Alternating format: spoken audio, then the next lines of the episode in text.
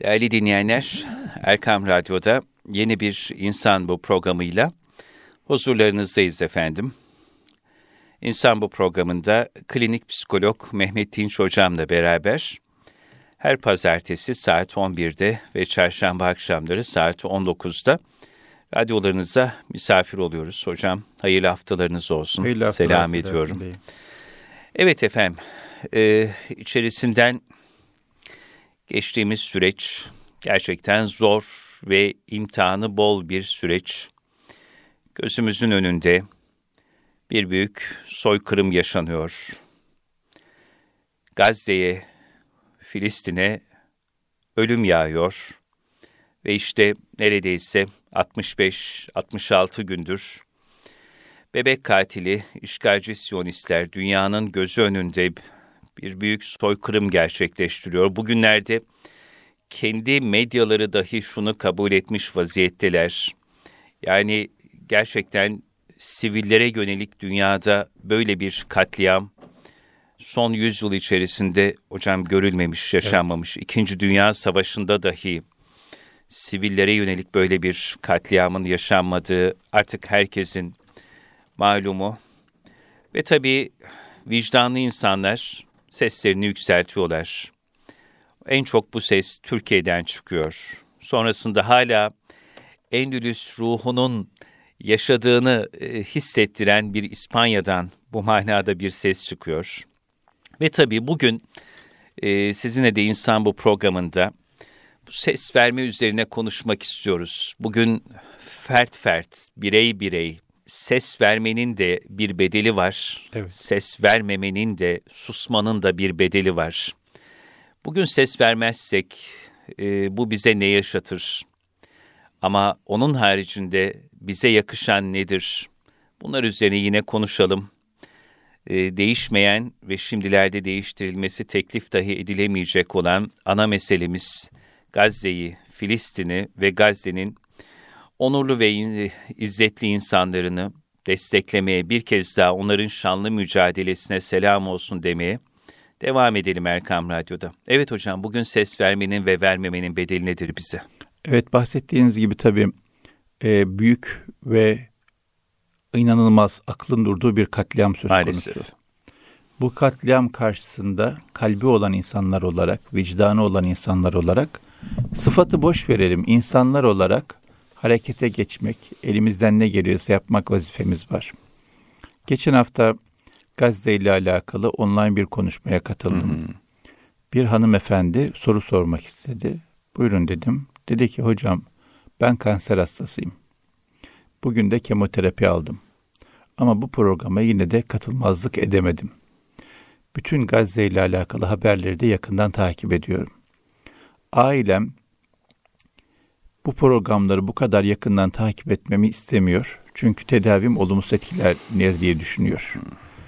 Benim sonuçta hassas bir bünyem var ve olanların e, kalbi titretmemesi, alt üst etmemesi mümkün değil. değil.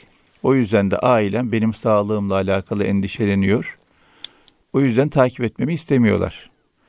Ama hocam diyor, ben yedi seneden beri bu hastalıkla boğuşuyorum yüzlerce hap içtim. Binlerce saat tedavi gördüm. Sayısız hoca, doktor benle ilgilendi.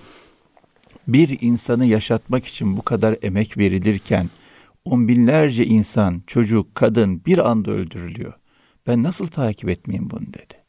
Ben nasıl kayıtsız kalayım, ilgisiz kalayım, bigane olayım dedi.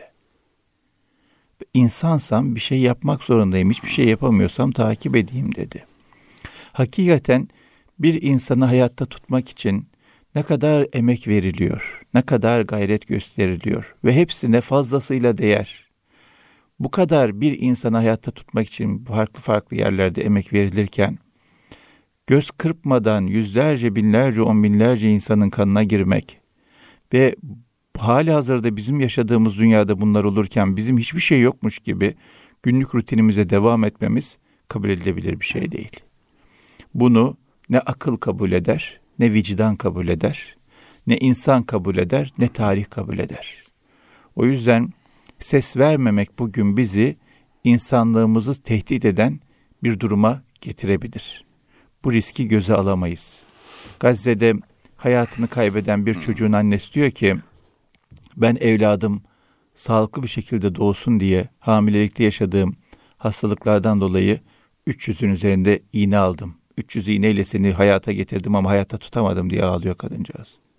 Yani bir evlat kolay yetişmiyor. Bir insan dünyaya kolay gelmiyor. Bir insanın bu dünyada var olmasıyla alakalı sayısız ihtimam, sayısız kalp, sayısız emek var.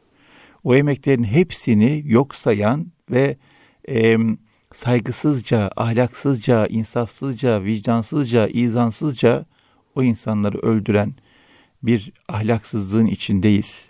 Ses vermek zorundayız tabii ki. Tepki koymak zorundayız tabii ki. Ne yapabiliyorsak yapmak zorundayız tabii ki. Çünkü bizim bir kalbimiz var. Kalbimiz yerinde durmuyor. Kalbimiz isyan ediyor. Hemingway diye bir yazar var meşhur malum. Buna demişler ki bir gün sen demişler çok iyi bir yazarsın. Öyle olduğunu söylüyorsun. Eserlerin var. Bize on kelimeyle dünyanın en kısa hikayesini yazar mısın demişler. Hemingway demiş ki bana bir kağıt kalem verin demiş. Almış kağıt kalemi. Biraz düşünmüş. Sonra beş kelimeyle dünyanın en kısa hikayesini yazmış. Hikaye şu. Satılık bebek patikleri hiç kullanılmadı. Bu bir hikaye. Niye? Kalbi titretiyor. Arkası yok, önü yok ama kalbi titretiyor. Satılık Çünkü bebek patikleri, patikleri hiç kullanılmadı. Hiç kullanılmadı. Evet, bir hikayesi var. Devamını bilmesek de zihnimizde bu hikayeyi tamamlayabiliyoruz. Ve bu hikayeden dolayı mahzun olabiliyoruz. Bunun gibi yarım kalmış sayısız hikaye oluştu Gazze'de. Tabii. Binlerce, on binlerce, yüz binlerce hikaye var. İki milyon insan, iki milyon insan halen yaşam tehdidi altında. O yüzden bugün iki tane vazifemiz var. Nedir onlar hocam? Bunlardan birincisi hali hazırda katledilen on binlerce çocuğun hesabını sormak. Yani bu pervasızlığın böyle devam etmemesini sağlamak onların aziz hatırası için. İkincisi de hali hazırda yaşayan, yaşam mücadelesi veren 2 milyon insanın hayatını kaybetmesine, hastalık yaşamasına, problem yaşamasına mani olmaya çalışmak. Halen 2 milyon insan söylemesi çok kolay ama akıl alır gibi değil. 2 milyon insan yaşam mücadelesi veriyor. Her an ölümle e, pençeleşiyorlar, ölümle karşı karşıya kalıyorlar. O yüzden kalbi olan bir insansak mutlaka ama mutlaka bir şey yapmak zorundayız. Adam Smith'in çok güzel bir sözü var. Diyor ki, bütün insanlar, en ahmak, en düşüncesiz olanlar bile sahtekarlığı, kalleşliği ve adaletsizliği hor görür. Fakat ne kadar bariz görünürse görünsün, adaletin toplumun varlığı için ne derece zaruri olduğu üzerine pek az insan etraflıca düşünmüştür. Yani kötülüğü kötülemek, kötülüğü hor görmek, kötülüğü yanlış görmek anlamında hepimiz ortak bir reaksiyon geliştirebiliriz insansak. İnsanlığımızı kaybettiysek geçmiş olsun var görüyoruz insanlığını kaybeden. Çok, çok. Ama dünyanın bütün halklarında insanlığını kaybetmeyenlerin ayağa dikildiğini ve kötülüğe karşı durduklarını görüyoruz. Yeter mi yetmez. Adalet hakim olsun tesis edilsin içinde vaziyet etmemiz lazım. Kur'an-ı Kerim'de Allah Teala ey iman edenler adaletin koruyucuları olun buyuruyor. Bakın bir emir var çok önemli bir emir. Adaletli davranın değil sadece. Adaletin koruyucuları adaletin olun. koruyucuları olun. Adaletin koruyucusu olma vazifemiz var bizim bu dünyada. Niçin? Çünkü insanlığın var olması için, yaşaması için, insan şerefine ve izzetine, haysiyetine layık bir hayat sürülebilmesi için mutlaka adaletin koruyucusu olmamız lazım. Koruyucusu olmazsak çok büyük hüsranlar, pişmanlıklar bizi bekliyor ve hep böyle olmuş. Bakın kaynaklara bakıyorsunuz. Kaynaklarda miasma diye bir şeyden bahsediliyor, bir duygudan bahsediliyor. Miasma insanın yaptığı bir yanlıştan dolayı çok derin, yoğun bir pişmanlık yaşaması ve büyük bir vicdan azabıyla pençeleşmesi ve bu hayatını kaybetmesinden daha kötü bir şey. Yanlış yaptığında veya yanlışa sessiz kaldığında, kayıtsız kaldığında yaşadığı vicdan azabı Milattan önce 416 yılında yazılmış bir kitapta bunu yaşayan birisinin ifadeleri şöyle. Diyor ki ne yapabilirim? Hı hı. Bütün bunlardan sonra nereye saklanabilirim? Nerede bulunmam? Hangi kanatlar beni yeterli yüksekliğe çıkartır? Ne kadar derin bir çukur kazmalıyım? Yaptığım yaptığım kötülüğe dair utancım beni tüketiyor diyor.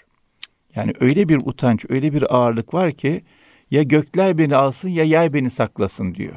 Yeryüzünde görünmeye e, cesareti kalmamış. O kadar büyük bir pişmanlık, o kadar büyük bir nedamet var. Olur mu? Olur. Bizde de olur mu? Bizde de olur. Bu günler geçecek. Elbette geçecek. Muhakkak geçecek. Elbette geçecek. Ve bu günler bittiğinde bize kalbimiz soracak on binlerce insan katledildi ne yaptın? Kalbimiz sormasa çocuklarımız soracak 2023 yılında baba bu kadar büyük bir katliam olmuş. Ne yapıyordun sen?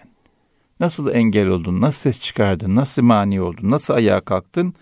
Bu e, bizim büyük bir imtihanımız. O yüzden bugün ses vermeye Filistinli kardeşlerimiz kadar kendimiz için de ihtiyacımız var. Bugün ses vermezsek sadece Filistinli kardeşlerimize faydalı olamayacak değiliz. Kendimiz de çok büyük bir zarar göreceğiz. Çünkü hocam insanlık bugünlerde çok görüyorum bu ifadeyi. insanlığın onur sınavı hı Gazze. Hı hı. Yani bu Gazze aslında bir turnusol kağıdı bugün. Gazze bir imtihan alanı. Evet. Ve Gazze imtihanında sınıfta kalanlardan mı geçenlerden mi olacağız? Ben tüm kalbimle inanıyorum. O Gazze'nin kahraman mücahitleri bu imtihanın kazananı bir defa. Tabii mücadele ediyorlar. Yani bu asrın duruyorlar. sahabisi kim dense hakikaten evet. işte gösterilecek isimler baktığınızda. Evet. O direnişleriyle hala imanla ışıldayan, parıldayan gözleriyle, derin teslimiyetleriyle, Allah'a olan teslimiyet, o evlatlarına şehadeti ve şehadet ruhunu aşılayışlarıyla, değil mi? Mücadele azimleriyle hiç Cenab-ı Hakk'a bir isyanları, bir şikayetleri yok. Ha, ümmetin suskunluğuna şikayetleri evet. Ahmet Yasin Üstadımız gibi Ahmet ya. Ama biz işte bu imtihanın kazananı mı olacağız, kaybedeni mesele bu. Tabii. Hep bunu konuşuyoruz sizinle evet. de. Ayçin Kantoğlu Hanım'ın konuşmasını ya. da dinledik ki herkes dinledi. O çok güzel bir tespitte hmm. bulundu. Diyor ki dünyadaki tek özgür yermiş Gazze diyor. O tek kadar. işgal edilmemiş, edilememiş yermiş diyor. Geri kalan her yer işgal edilmiş. Tekim görüyoruz bu boykot meselesi çıktı. E, kahvemizden deterjanımıza, hı çikolatamızdan elbisemize her şeyimiz meğer yanlış şeylere hizmet ediyormuş. İşgal altındaymış. Hı Bu işgalden kurtulmamız lazım. Kolay mı olacak? Değil. Değecek mi? Değecek. Uğraşacağız, gayret edeceğiz, mücadele edeceğiz. Bu işgalden kendimizi, tabii, tabii. vicdanımızı, milletimizi, insanlığı kurtarmamız lazım. Bunun için bedel ödememiz gerekiyor.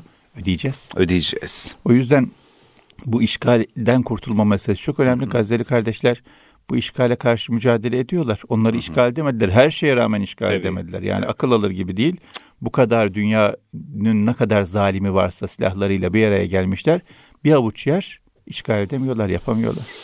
O yüzden biz de kendi dünyamızı işgal ettirmeyeceğiz. Mevcut işgallere de karşı çıkmak için her şeyi yapacağız. Yoksa psikolojide ahlaki yaralanma ya da psikolojik yaralanma dediğimiz bir şey ortaya çıkar. Hmm. Nedir ahlaki yaralanma ya da psikolojik yaralanma? Bunu bir yazdınız insanın, da siz muhitte. Evet muhitte de yazdım.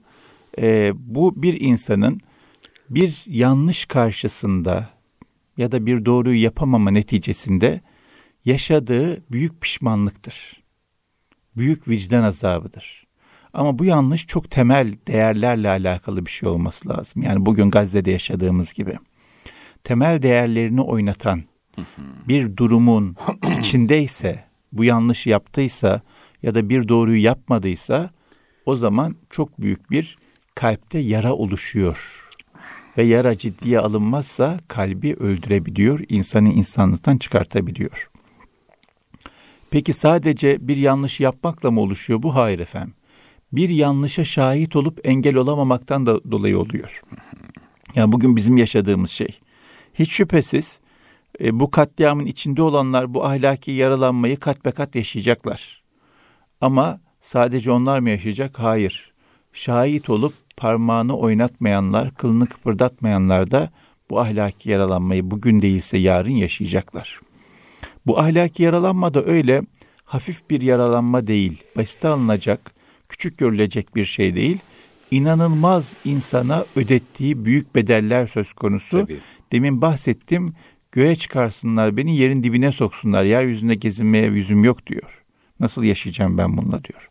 Ama psikolojik anlamda baktığımızda duygusal, ilişkisel, düşünsel, davranışsal ciddi anlamda sonuçları var.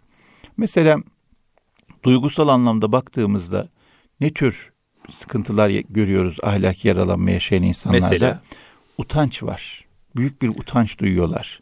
Suçluluk duyuyorlar. E, kontrol edilemez bir öfke yaşıyorlar.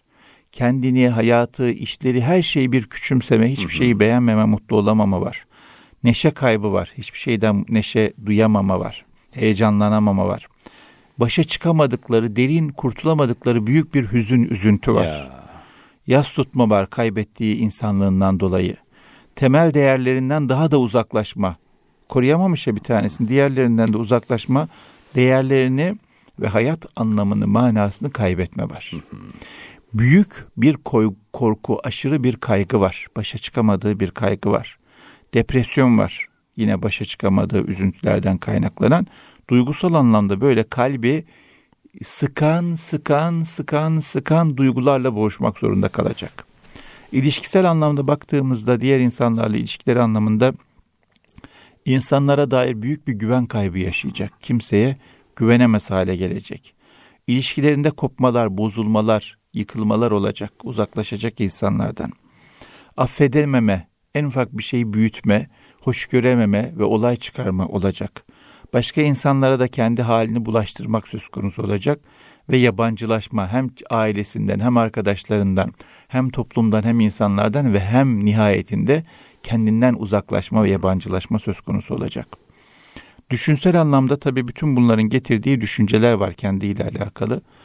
O düşünceler beyninde dönüp duracak. Diyecek ki ben iyi bir insan değilim. Ben güvenilir bir insan değilim. Ben başarısız bir insanım. Ben umutsuz vakayım.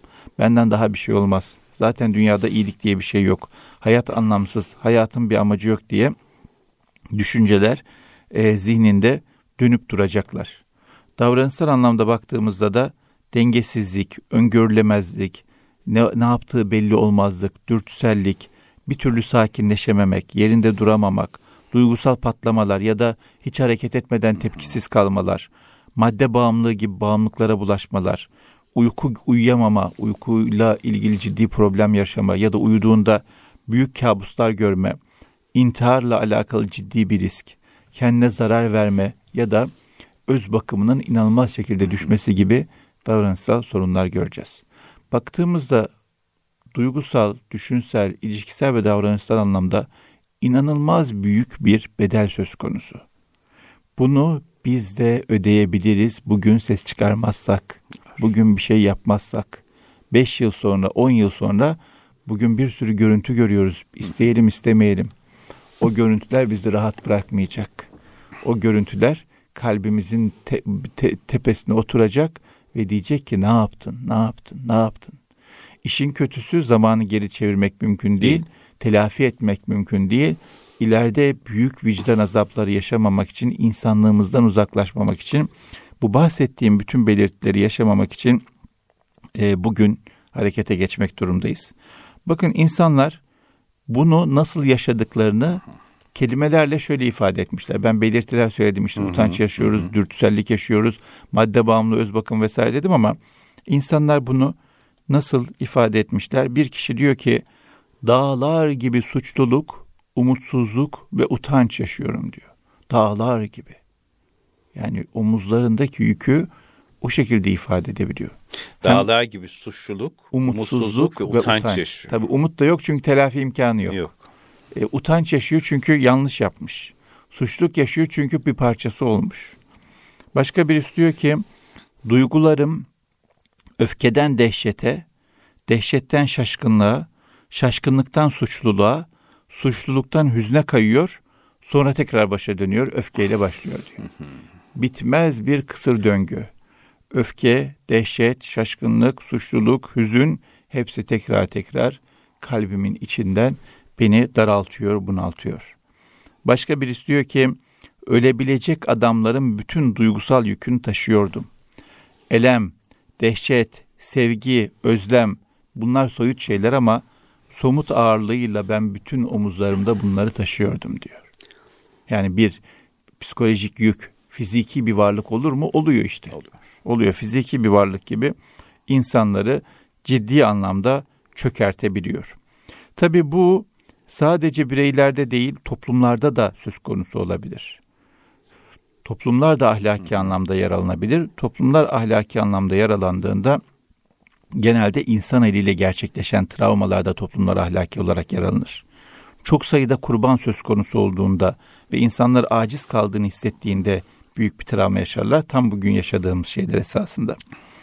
Ve bütün bunların oluşması insanların ilk başta kurumlara sonra birbirlerine karşı güvenlerini kaybetmesine sebep olur. Bugün bakın Birleşmiş Milletler'e kiminle güveni kaldı? Kimse. Halbuki 2000 senenin, 3000 senenin getirdiği bir olgunlukla oluşmuş bir yapı.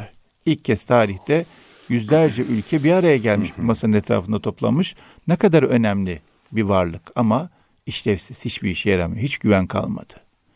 E, yine bakıyorsunuz insanların birbirine karşı güvenleri azalmaya başlıyor. Özellikle harekete geçmeyen hmm. insanları halen o kahvecilere giden, halen ya. o deterjanları kullanan, halen boykotun bir parçası olmayan o kötü hamburgerleri yiyen insanları gördüğünde insanlara karşı umudu kalmıyor, Tabii. güveni kaybı kalmıyor, heyecanı kalmıyor. O yüzden toplumsal ahlaki yaralanmada çok kritik olarak karşımızda duran tehditlerden, tehlikelerden bir tanesi. Burada önemli olan şey şu, efendim e, iki uçtan birine gitmemek lazım. İki uçtan birine birisinde benim ne suçum var ya ben mi yapıyorum gibi sorumsuz hissetmek. Ötekinde de ya biz çok suçluyuz hiçbir şey yapamayız elimizden hiçbir şey gelmiyor diye kendini aciz bırakmak hiçbirisi olmaması lazım. Yapabileceğimiz şeyler var. Bizim suçumuz değil ama biz engel olabiliriz. Nasıl engel olacağız? Toplumsal ahlaki yaralanmanın önüne geçmek için mutlaka ama mutlaka insanlardan uzaklaşma değil, insanlara yaklaşma, irtibat kurma, birleşme, örgütlenme, beraber ses çıkarma, yalnız değil beraberce hmm. hareket etme noktasında çok ciddi adım atmamız lazım ki bu toplumsal ahlaki yaralanma yaşamayalım. Peki kimler daha çok risk altında? Ahlaki yaralanma, ahlaki yaralanma anlamında kimler daha çok risk altında? Bir tanesi e, bu katliamların içinde olan insanlar çok ciddi risk altında. Yanlış yapanlar çok ciddi risk altında. Bakın İsrail ordusunun bu olaylar başlamadan önce yayınlanan bir istatistiği var. En büyük insan kaybını intihardan yaşıyor. İsrail. Tabii savaştan Tabii. değil veya yaptıkları katliamdaki çarpışmalardan değil, intihardan. Niye? Adamların yaptıklarını vicdanları kabul etmiyor. Yere göğe sığamıyorlar, intihar ediyorlar. Amerika için de benzer söz konusu. Amerika Irak ve Afganistan'ı işgal etti. Milyonlarca insanı sivili öldürdü. Orada görev yaparken hayatını kaybeden asker sayısı 462. Döndüğünde askerler bir senede kaybettikleri asker sayısı intihardan dolayı 468. Allah Allah. Sahada kaybettiğinden daha çok askeri Amerika'da evinde rahat rahat her türlü işi gücü yerindeyken hiçbir problemi yokken dünyaya sığamadığından yaptıklarını vicdanına anlatamadığından dolayı intihar ederek kaybetmiş. Bu intihar edenler olayın tabi buzdağının görünen kısmı, görünmeyen kısmı var. Dönen her beş askerden bir tanesi ciddi anlamda ahlak yaralanma yaşamış. Madde bağımlılığı, boşanma, travmalar, işe bu işe işe işlevselliğini kaybetme, işe başlayamama, işini devam ettirme gibi e, zorluklarla başa çıkamıyorlar. Tabi burada e, hayır diyebilenler de söz konusu. Mesela bakın geçen ay Amerikan Dışişleri Bakanlığı'nın silah tedarikinden sorumlu genel evet. müdür Josh Paul diye bir adam var. Hayır diyen adam. Hayır diyen adam. He, bakın adam akıllı adam. Ben bu noktaya gelmeyeceğim diye, ben insanlığımı kaybetmeyeceğim diye, vicdanımın altında kalmayacağım diye çok büyük bir bedel ödedi adam. Yani Amerika'da Dışişleri Bakanlığı'nda üst bir genel müdür olmak kolay bir şey değil. Elbette. Adamın bütün kariyeri, belki 20 senede 30 senede oraya geldi. Ama onu sıfırlama Sıfırladı. pahasına vicdanın sesini dinledi. Evet aynen öyle. Diyor ki çok böyle hoşuma giden bir şey söylemiş. Diyor ki mevcut İsrail ile alakalı Amerika'nın politikası basiretsiz adaletsiz, yıkıcı ve toplumsal olarak sahip olunan değerlere aykırı diyor. Ben bunun bir parçası olmayacağım diyor. Büyük bir cesaret. Bunu gösterdi adam. Büyük bir bedel ödedi. Yani istifa eden adamın emekli problem, tekrar iş bulması problem, devleti karşınıza alıyorsunuz, o toplumda yaşıyorsunuz vesaire. Ama e, bu riski aldı, bu bedeli ödedi. Niçin? Öteki bedel daha ağır. Bugün belki o kadar ağır görünmüyor ama yarın daha büyük bedeli ödeyecek. Nitekim Reşat Nuri Güntekin böyle bir insanı anlatır bir kitabında. O bedeli ödeyen, o riski almamış insanı anlatır. Diyor ki bu emri yerine getirdim. Yanlış bir iş yapmış. Hesapça büyük bir ferahlık duyacaktım. Kendi kendimden memnun olacaktım. Halbuki bilakis içimde bitmeyen bir sızı var ve kendi kendimden iğreniyorum. İnsan bir şekilde bugün bir bedel ödemezse, risk almazsa kendi kendinden iğrenir noktaya gelir mi? Çok rahat gelir. gelir. O yüzden bugün veya yarın kendi kendimden kendi kendimizden iğrenmezsek, iğrenmek istemiyorsak harekete geçmek ne bedel gerekiyorsa ödemek zorundayız. Hiçbir bedel kendi kendimizden iğrenmek kadar ağır değil. Değildir. Bu dönemde yine bir bürokrat, emir yerine getirmiş bir bürokrat gazeteciyle konuşuyor. Hı. Gazeteci diyor ki nasılsın? Cevap şu. Bu soruya nasıl cevap vereceğimi bilmiyorum. Kendimden iğreniyorum. Kendimden midem bulanıyor. Bunda hepimizin kısmen payı bulunduğu için utanç duyuyorum. Hepimiz yalan söyledik. Bizi asla affetmeyecekler diyor. Gelecekleri nokta bu. Bu noktaya gelmemek için muhakkak ama muhakkak harekete geçmek lazım. Bakın yine New York Times'ın editörü, şiir edebiyat ekinin şiir editörü bir şair var. Diyor ki artık şiir yazılamaz bu katliam karşısında. Ben diyor istifa ediyorum. Bıraktı o da çok büyük bir kariyer. Yani dünyanın en iyi, en bilinen gazetelerden evet. birinde editörsünüz. Ama hiç gözüne gelmedi. Çat diye istifa etti. Ama bu noktada benim en çok dikkatimi çeken tepkilerden bir tanesi İsrailli gençlerin tepkileri oldu. Hmm. Biz tabi Yahudi gençler. Yahudi gençler evet. İsrail'de yaşayan 17, 18, 19 yaşında genç çocuklar. Bunlar lisedeyken, ortaokuldayken programlara katılmışlar. Bazıları iklim karşıtlığı, iklim e, çevre kirlenmesiyle alakalı, iklim değişimiyle alakalı protesto gösterilerine katılmış. Orada Filistinli gençlerle tanışmışlar, akranlarıyla tanışmışlar. Bazıları bir program dahilinde başka kamplara katılmışlar. Filistinli gençlerle tanışmışlar. Diyorlar ki onlarla tanıştığımızda gördük ki hikaye bize anlattığından çok farklı. farklı. Orada apaçık bir zulüm, ciddi bir haksızlık, büyük bir katliam işleniyor. Dolayısıyla ben askerin bir parçası olarak İsrail ordusuna katılarak bu katliamın, bu haksızlığın bir parçası olmak istemiyorum diyor. Biliyorsunuz İsrail'de herkes askerlik yapmak zorunda. Ordu diyor ki bunlara, tamam ses çıkarmayın, gürültü yapmayın, çok kimseye örnek olmayın, kötü örnek olursunuz. Size radyoda falan görev yaptıralım, ordu radyosuna. Sahaya çıkmayın, çatışmaya girmeyin. O radyoda görev yapın. Hayır diyor, ben ordunun hiçbir yerinde görev yapmam. Hiçbir şekilde bu katliam parçası olmam diyor. Peki diyorlar sizi hapse atarız. Atın. Bak ehliyetinizi alırız. Alın. Toplumdan dışlarız. iş bulamazsınız. Olur. Çok güzel bir söz söylüyorlar. Diyor ki ben özgürlüğümün elimden alınmasından çok korkuyorum. Ama bir düşüncem varsa sorumluluğumu alacağım, bedelini ödeyeceğim diyor. Böyle düşünüyorum. Ben bu işin yanlış olduğunu düşünüyorum. Ee, ve bundan dolayı da sorumluluğumu alacağım, bedelini ödeyeceğim diyor. Kaç yaşında bu insanlar? 18-19 yaşında. Ve hakikaten bir insanın içinde bulunduğu toplumda e, bu kadar e, karşı tarafın gözü dönmüşken ve siz karşı tarafın içindeyken ayağa kalkmanız, ses vermeniz çok zor. Kendi ailesinden, arkadaşlarından bile ciddi anlamda dışlanıyor, tepki görüyor, hain olarak ilan ediliyor ama buna rağmen hayır diyor ben bu katliamın parçası olmayacağım.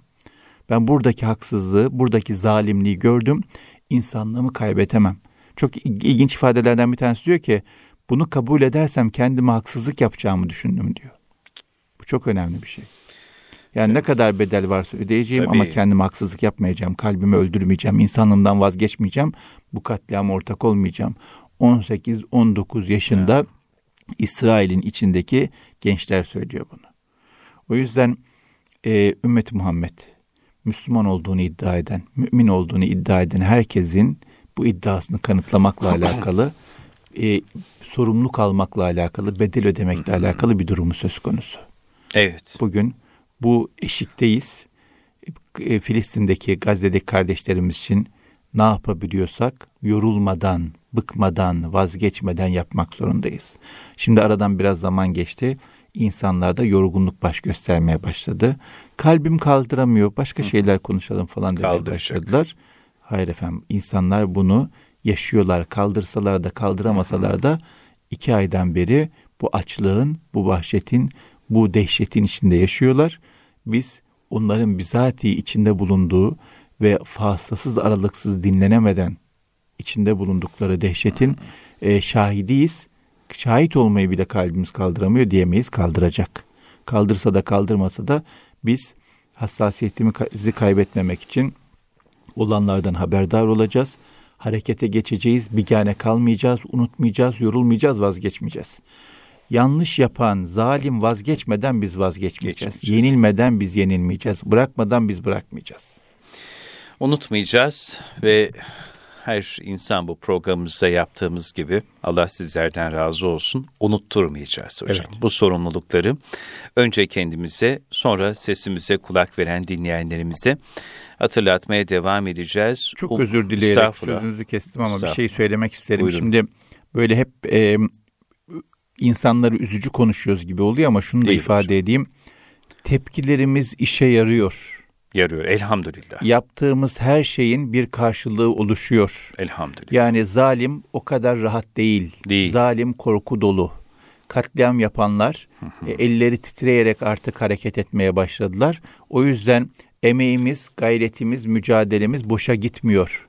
Yani bir boykot yapıyoruz ya, bir kahve içmiyoruz, bir deterjan almıyoruz Tabii. ya.